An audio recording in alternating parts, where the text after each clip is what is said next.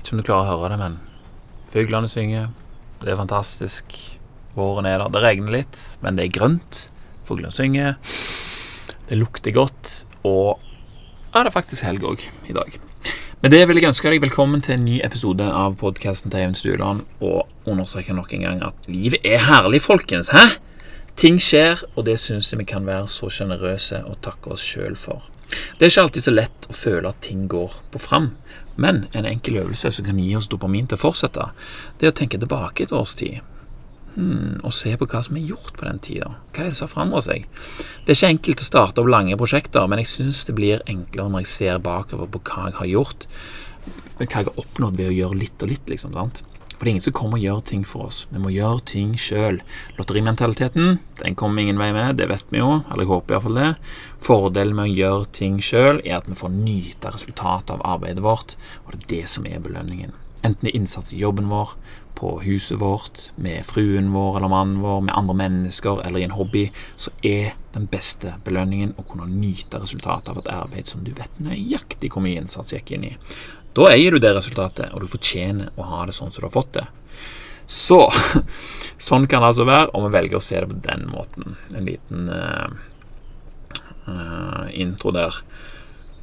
Men det som jeg syns er gøy, da altså Hvis vi skal begynne å tenke sånn som dette her Det er gjerne ikke så lett i utgangspunktet, men jeg syns det er så gøy å lese om hvordan hjernen vår virker, og hvordan den oversetter det som skjer i verden vi lever i, til noe som gir oss mening, som vi kan forholde oss til, og som vi òg kan handle ut ifra. Sant vel? Når vi lærer nye ting, så kan vi gjøre nye ting òg. Ikke minst er det gøy å lese om hvordan vi opplever det som hender med oss, øh, og hva vi konkluderer ofte med at har hendt. Det trenger ikke være det samme. Det kan være forskjellig. Noe skjer med to personer, helt forskjellig oppfatning av hva som har skjedd. Og Det finnes mange bøker det går an å lese om dette. her. Det er mye bra fra Robert Green. Alle hans bøker er jo helt konge. Den siste jeg leser nå, den Laws of Human Nature. Herregud Gud, altså. Da knaker det i skallen hans etter hvert. Thinking Fast and Slow den er også helt i toppen og har forandra mye av hvordan jeg opplever verden som jeg befinner meg i. Og Sist nå så leste jeg også i bok som heter Stumbling on Happiness. Uh, og den har mange av de samme greiene som jeg kjenner igjen fra Thinking Fast and Slow. Da, og det er veldig kjekt å få disse her repetert. Jeg husker når jeg var ferdig med Thinking Fast and Slow, det er jo en av de sykeste mindblow-bøkene jeg noensinne har lest. Så tenkte jeg fy søren, jeg gleder meg til neste gang jeg skal lese den igjen, for å se hvordan jeg husker det som står der, og om jeg kan kjenne igjen endringer som jeg har gjort, eller vaner jeg har lagt inn i livet mitt. da, øh, Og hvordan har de forandra meg? sant? For dette skjedde en gang øh, når jeg etter to år var det plutselig noen som hadde tatt med den Robert Green sin Mastery, tatt den med på jobben, og hadde, hadde ikke lest den på to år. Så jeg, å, Mastery, så begynte jeg å bla i den, og det ga et sånn sinnssykt rush og se hvor mye mer jeg var i stand til å forstå etter å ha hatt de prinsippene fra Robert Green og strategiene der svivende rundt i bakover. Liksom. Og ekstra gøy så var det jo å oppdage at det var Mastery de kom fra, for det visste jeg ikke alltid underveis. Sant? Og da får du sånne overraskende eh, koblinger der, og det er jo det som gir oss glede, og alt det som gjør at det blir at vi får dopamin, rett og slett, og, og produserer lykkehormon. Så jeg fikk litt den følelsen her av å lese 'Stumbling on Happiness'. Ikke at det var helt det samme, men det kom. Jeg ble motivert til å lese 'Thinking Fast and Slow' igjen, for det er jo faktisk allerede ett og et halvt år siden. Og 'Thinking Fast and Slow' har jeg òg lagd en episode om første delen av, hvis noen vil høre på den. Uh, og som jeg var inne på i stad, mye har skjedd sant, på ett og et halvt år. Og samtidig så er mye av det samme. Og det er ikke enkelt å se hva som skjer, eller hva som er annerledes når vi bare, når bare fyker av gårde i livene våre. Sant? Vi blir nødt for å stoppe litt og, og, få noen liksom Hva skal du kalle det Føringer for hva vi skal inn på for å forstå at ting går på fram. Av og til, iallfall. For disse bøkene her, de endrer på dette. De hjelper deg å få de der føringene. Og de hjelper oss òg å se hva som skjer. Eh, og gjør det vanvittig mye morsommere å leve, syns jeg. Det blir så gøy. Det blir så mye gøy å følge med på og analysere, og det gir så mange muligheter for å oppdage disse overraskende koblingene, hendelsene og forståelsene. Og det høres jo gjerne ikke så wow, kult ut det i utgangspunktet, men vi vet jo at det er disse her overraskende forståelsene og koblingene og hendelsene. Det er det som produserer dopamin, og vi vet at det igjen gir oss motivasjon til å handle ut ifra det vi finner ut. sant? Og det er det som har skjedd nå. Sant? Nå har jeg lest en bok, og så oh, har jeg oppdaga noe. Ah, det, dette skal jeg skrive om. Sant? Og så brrr, skriver jeg om det, og så jobbes det på en måte inn i livet mitt på den måten. da. Uh, det er det som jeg, jeg syns er så herlig med denne at jeg lager denne podkasten, at ting som jeg opplever og som jeg finner ut av, det, de får så mye mer pondus, da, mye mer moment, når, eh, når, du først skriver om det og så forteller om det.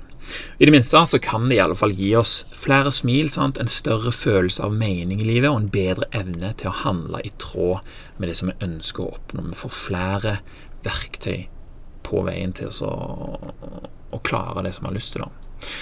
Men uansett, det som dette handler om, det er et par grafer som sto i denne her boka som fikk meg til å tenke. Eh, og Det handler litt om hvordan vi har det nå, og hvordan vi senere tenker at vi hadde det. Sånn som jeg ser det, så kan vi dra fordeler av å vite hvordan vi opplever de forskjellige fasene vi går gjennom rundt en hendelse, både på kort sikt og på lang sikt. Og I denne boka her så er det ett godt eksempel til hver av de, og vi kan hente ut mening fra disse her to eksemplene og bruke det til å øke dybden og omfanget av en opplevelse. Eh, og vi kan sjøl lage den opplevelsen rikere og fyldigere og dermed òg øke utbyttet vårt av dopamin og serotonin og dette her. sant? Eh, for det er det utbyttet kommer av. Dopamin, serotonin og oksytocin, det er også kalt glede, altså gode følelser, lykke og mening. Og det er jo det vi lever for, er det ikke det? Det ene eksempelet der, det handler om eh, noe som er et relativt kortsiktig eh, i et livsperspektiv, et politisk valg.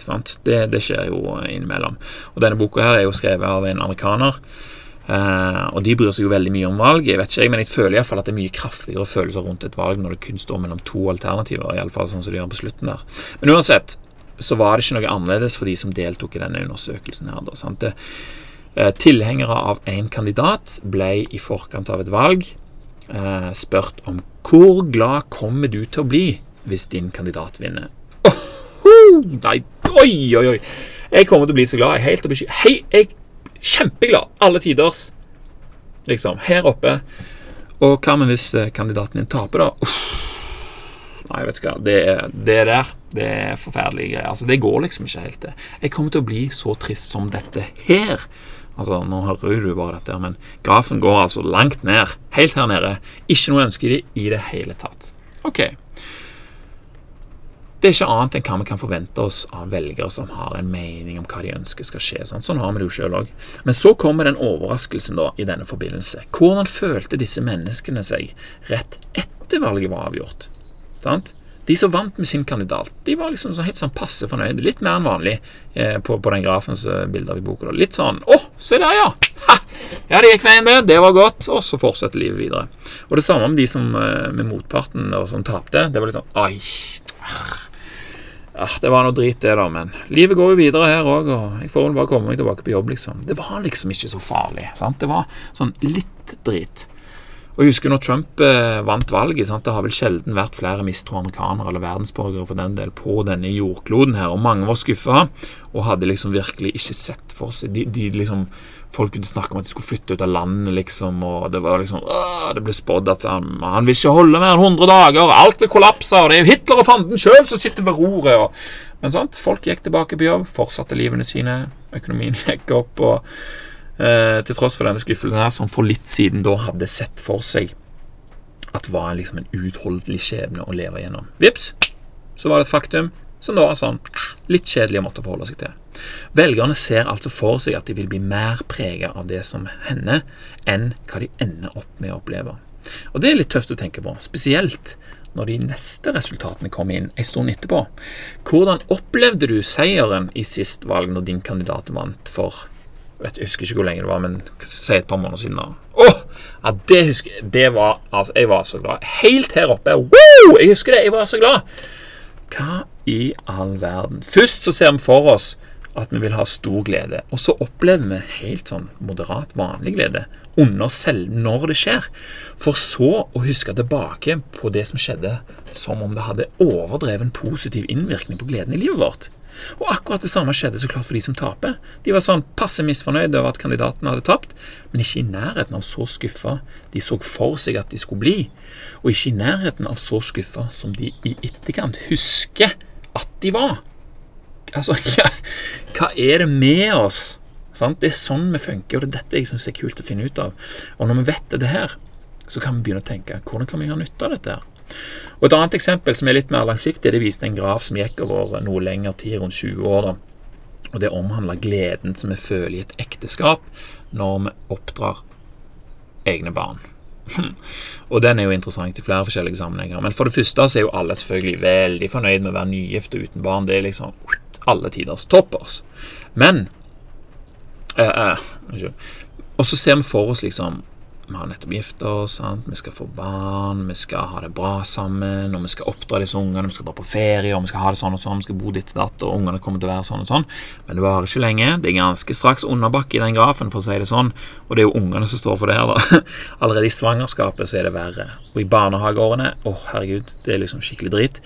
Men så kommer det seg litt, da, i løpet av barneskolen, for så å selvfølgelig krasje fullstendig i perioden der det fins tenåringer i huset. Men straks ungene er på vei ut av redet, så stiger lykkefølelsen av å være gift igjen. Og noen stiger til og med til et høyere nivå enn det var ved nygifthet. Sant? Vi gifter oss, vi gleder oss over at vi skal leve sammen, få barn sammen ha et godt liv sammen.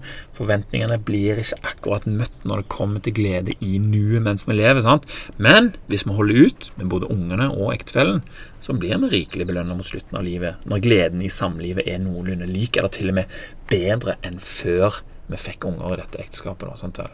Og det er jo ofte sånn at det, hvis vi går gjennom noe drit, men klarer oss gjennom det, så ser vi ofte, ofte tilbake på det som at det ga oss noe. Eh, men hvordan kan vi bruke dette her nå, som jeg, nå vet, til vår fordel? Det er liksom det spørsmålet jeg eh, stilte meg. Så kom vi fram til et forslag. Altså Hvis vi vet at det å glede seg til noe, og det å huske tilbake på noe, er det som står for den aller største delen av gleden som vi føler over det som skjer i livet vårt, har vi ikke da òg noe å styre hvordan vi forholder oss til nuet med, altså det som faktisk skjer med oss? Kan vi legge til rette for å oppnå mer glede av det vi allerede gjør eller opplever? I vinter så oppdager jeg en bil til salgs i Harstad-området, selvfølgelig, langt mot nord. Så tenkte jeg sånn Oi, oi, oi, oi, oi, oi, den der vil jeg ha. En vinterbil. For det trenger jeg, sa du. Det var det som var alibiet mitt. For jeg har jo camperen.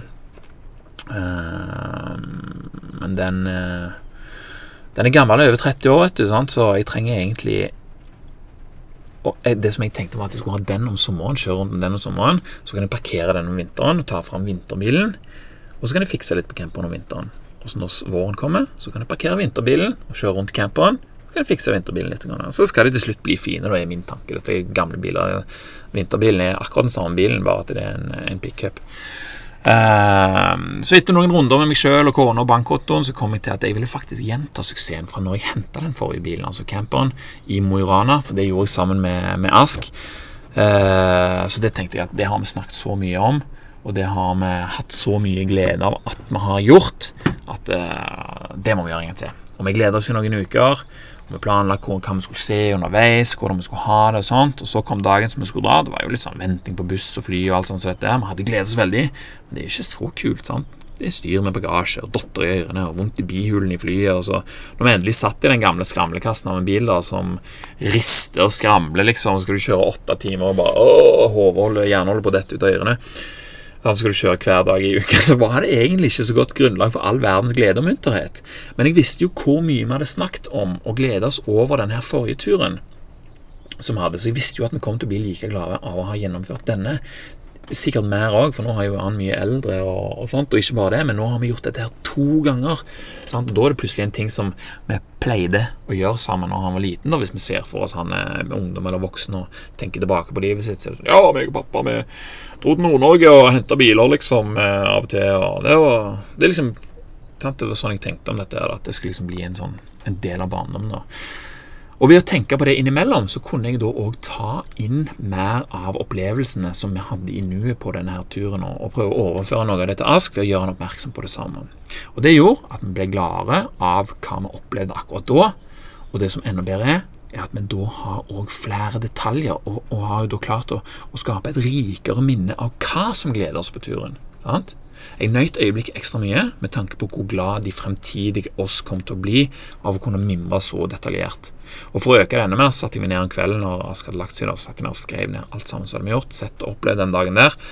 Og allerede før vi var kommet hjem, så ga det avkastning å lese det som vi hadde gjort for noen dager siden. For vi glemmer altså så fort. Det er helt sinnssykt eh, hvor lett detaljene forsvinner. For det var egentlig bikkjekaldt, og det var helt jævlig å stå på den der brua og se på Saltstraumen når vi var der.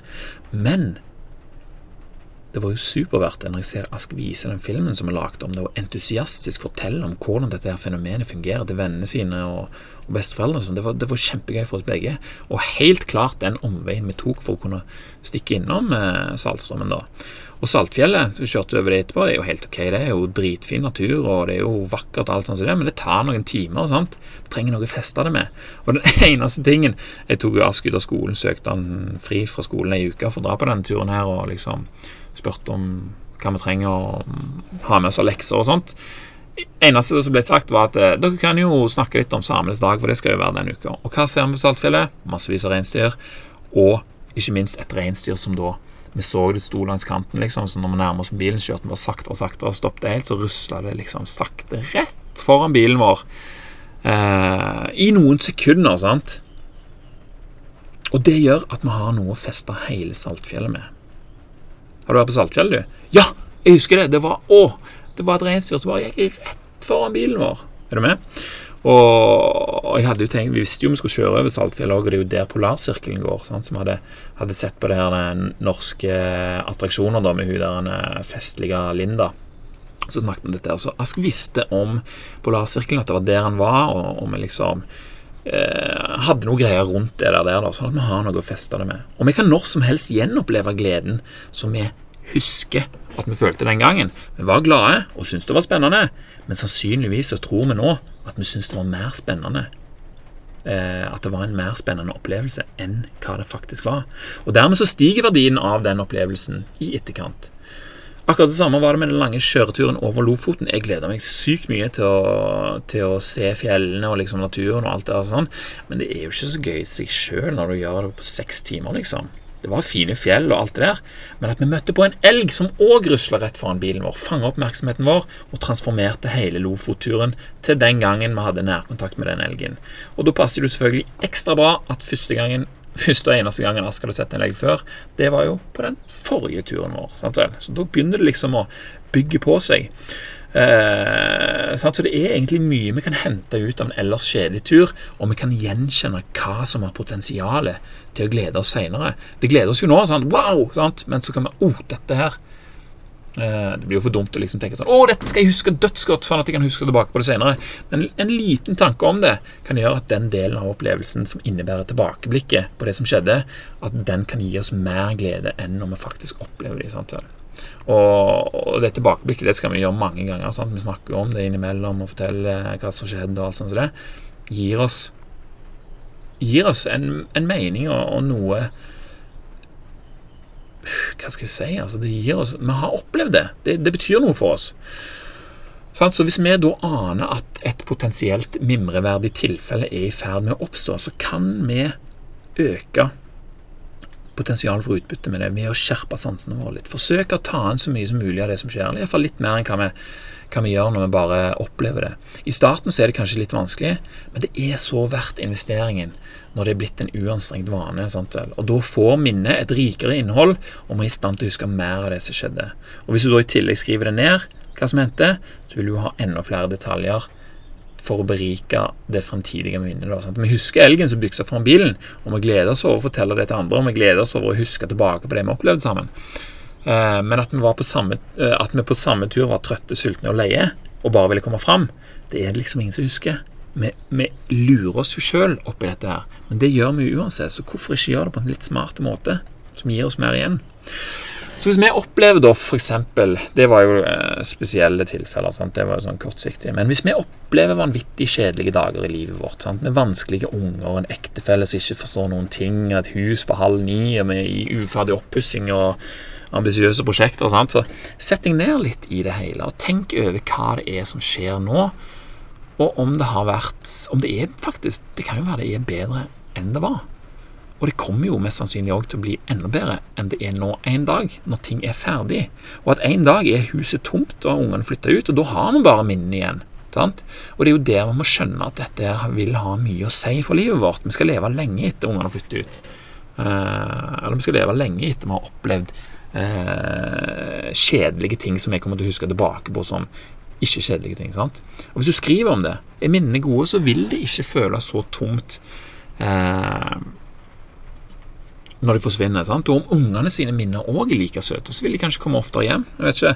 Men det går ikke lang tid før det meste kan ses tilbake til, på med et sånn romantisk og problemfritt slør over seg. sant? Vi er veldig selektive på hva vi husker, eller hjernen vår er det. Vi kan godt tåle plagsomme tenåringer i et hus, men vi kan jo tåle det enda bedre når vi vet at vi kommer til å tenke tilbake på denne tida her med glede om noen år. sant? Så kan legge til rette for det. Jeg tror iallfall det. Jeg har ikke tenåringer sjøl, men jeg kommer iallfall til å øve meg på dette. her, sånn at Jeg har aldri begynt, og, og jeg, jeg syns det virker. Og jeg tror vi klarer å suge til oss flere eh, nyanser og detaljer om hvordan det oppleves òg. Og sånn blir mimringa enda rikere, og vi kan gi bedre avkastning enn om vi bare går rundt og husker tilfeldige ting. For er det én ting som jeg blitt klar over gjennom å lese disse bøkene, her, og òg å lese ting som jeg tidligere har skrevet, så er det at hjernen husker jo ikke det som skjer i det hele tatt. Hjernen husker det som gir kraftigst inntrykk. Den husker hvis vi oversetter det litt, så husker han hormonene som ga oss inntrykkene. Sant? Videre så prøver han da å bekrefte det som han allerede tror skjedde, istedenfor å lete etter faktiske detaljer. Sant? Ja, han dro over Saltfjellet og så litt reinsdyr, og, og, det var gøy, liksom. Var det kaldt? Nei, jeg kan ikke huske det. Var, det, var du sulten? Nei, jeg vet ikke. men det var veldig hyggelig å se det greiene der. Og det er her dette kommer inn i bildet. Da. Vi kan legge inn litt innsats i å ta til oss mer av det som skjer, og dermed sørge for at hukommelsen vår er bedre stilt til å kunne supplere oss med de hormonene som vi liker. Og Samtidig så kan vi bruke pennen vår og eventuelt kamera til å forsterke dette enda mer. For hver gang jeg ser på noe som jeg har filma ungene, det kan ha gått to uker eller to år, så, så, liksom ser jeg så sitter jeg der og gliser sånn, sånn dumt glis, sånn uh, feel good-glis, og så plopp, så har, Hvorfor i all verden slutta jeg å filme? Dette var jo dritinteressant. Mens i nuet så tenkte jeg kanskje at åh, nå har jeg sikkert filma lenge nok. De står jo bare og plukker opp i en sølebutt med en pinne. Dette blir kjedelig å se på i lengden. Men det er ikke det. Det er dritgøy å se tilbake på dette her. Så dette her henger ikke på greip hvordan vi oppfører oss i nuet i forhold til hva vi skulle ønske vi gjorde senere. Og det kan vi ha litt i mente. For Hvis jeg heller tenker at dette skal være et minne som vi alle kan få stor glede av senere, så er det ikke så farlig om minnet på telefonen blir fulgt. Og Samtidig så legger jeg merke til flere detaljer i hendelsen som senere vil gjøre mimregleden rikere enn om jeg hadde overlatt det til tilfeldighetene. For det er ikke selve minnene våre som gleder oss eller gir oss gode følelser. Det er assosiasjonen vi får til det som skjer, som igjen produserer dopamin, serotonin oksytocin, og det er det som gir oss glede. Sant? Følelsen av glede. Hvorfor ikke legge til rette for mer av det, hvis vi har sjansen? Hukommelsen er en dårlig arkivist. Hjernen har ikke mulighet for å lage alt det som faktisk skjer. Hvis vi prøver å huske tilbake på en hendelse som skjedde med oss, men som ikke var klar over at vi senere hadde lyst til å huske tilbake på, så er detaljene gjerne blitt ganske spinkle og gjerne helt feil òg, og kanskje vi til og med ender opp med å blande to hendelser eh, sammen, til og med. Det vet jeg iallfall at jeg har gjort. Men hvis vi blir flinke til å oppdage øyeblikk som vi vil huske, å, nå er det i ferd med å skje noe her. Så kan vi liksom slippe inn flere detaljer fra alle sansene våre, som vil gjøre det lettere for hjernen å hente dette her tilbake igjen. Lukt, lys, lyder, følelser. Var det vind? sant? Var det solnedgang? Lukta det blomster? Jeg husker en gang jeg kom av toget i Wuxi når jeg bodde i Kina. En gang etter jeg hadde sittet på toget i 52 timer fra, fra Tibet. Når jeg reiste, var det vinter, grått og surt og jævlig. Når jeg kom tilbake, så var det vår, og det var sol, og det var varmt og det lukta jasmin over hele byen. og Den lukta var så intense, og den, den var gjennomsyra hele den gåturen som jeg eh, hadde da hjem fra togstasjonen den dagen. Og alle sansene spiller inn dette, og hjernen vår lager de kraftigste inntrykkene sjøl. Så hver gang jeg kjenner den lukta av jasmin, så er det Å, så husker jeg tilbake på den dagen der. Sånn er det.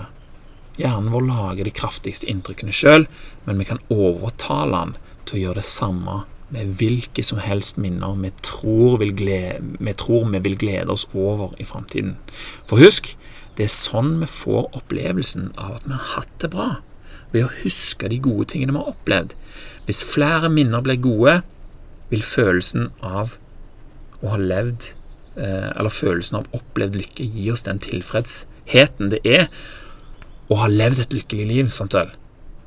Og det gjør det lettere å leve lykkelig nå og det gjør det mulig å glede din fremtidige sjøl, og det vet jeg at din fremtidige sjøl kommer til å ville sette pris på. Med andre ord, du er i stand til å skaffe deg et lykkelig liv, både nå, i fortida og i framtida. Jeg kan ikke tenke meg at det er noen som har vondt av det, men jeg kan tenke meg at det kommer til å være verdt investeringen hvis en legger litt energi i det. Så det var det for denne gang. Tusen takk for uh, meg. Tusen takk til deg som hørte på, og takk for nå. Så snakkes vi neste gang.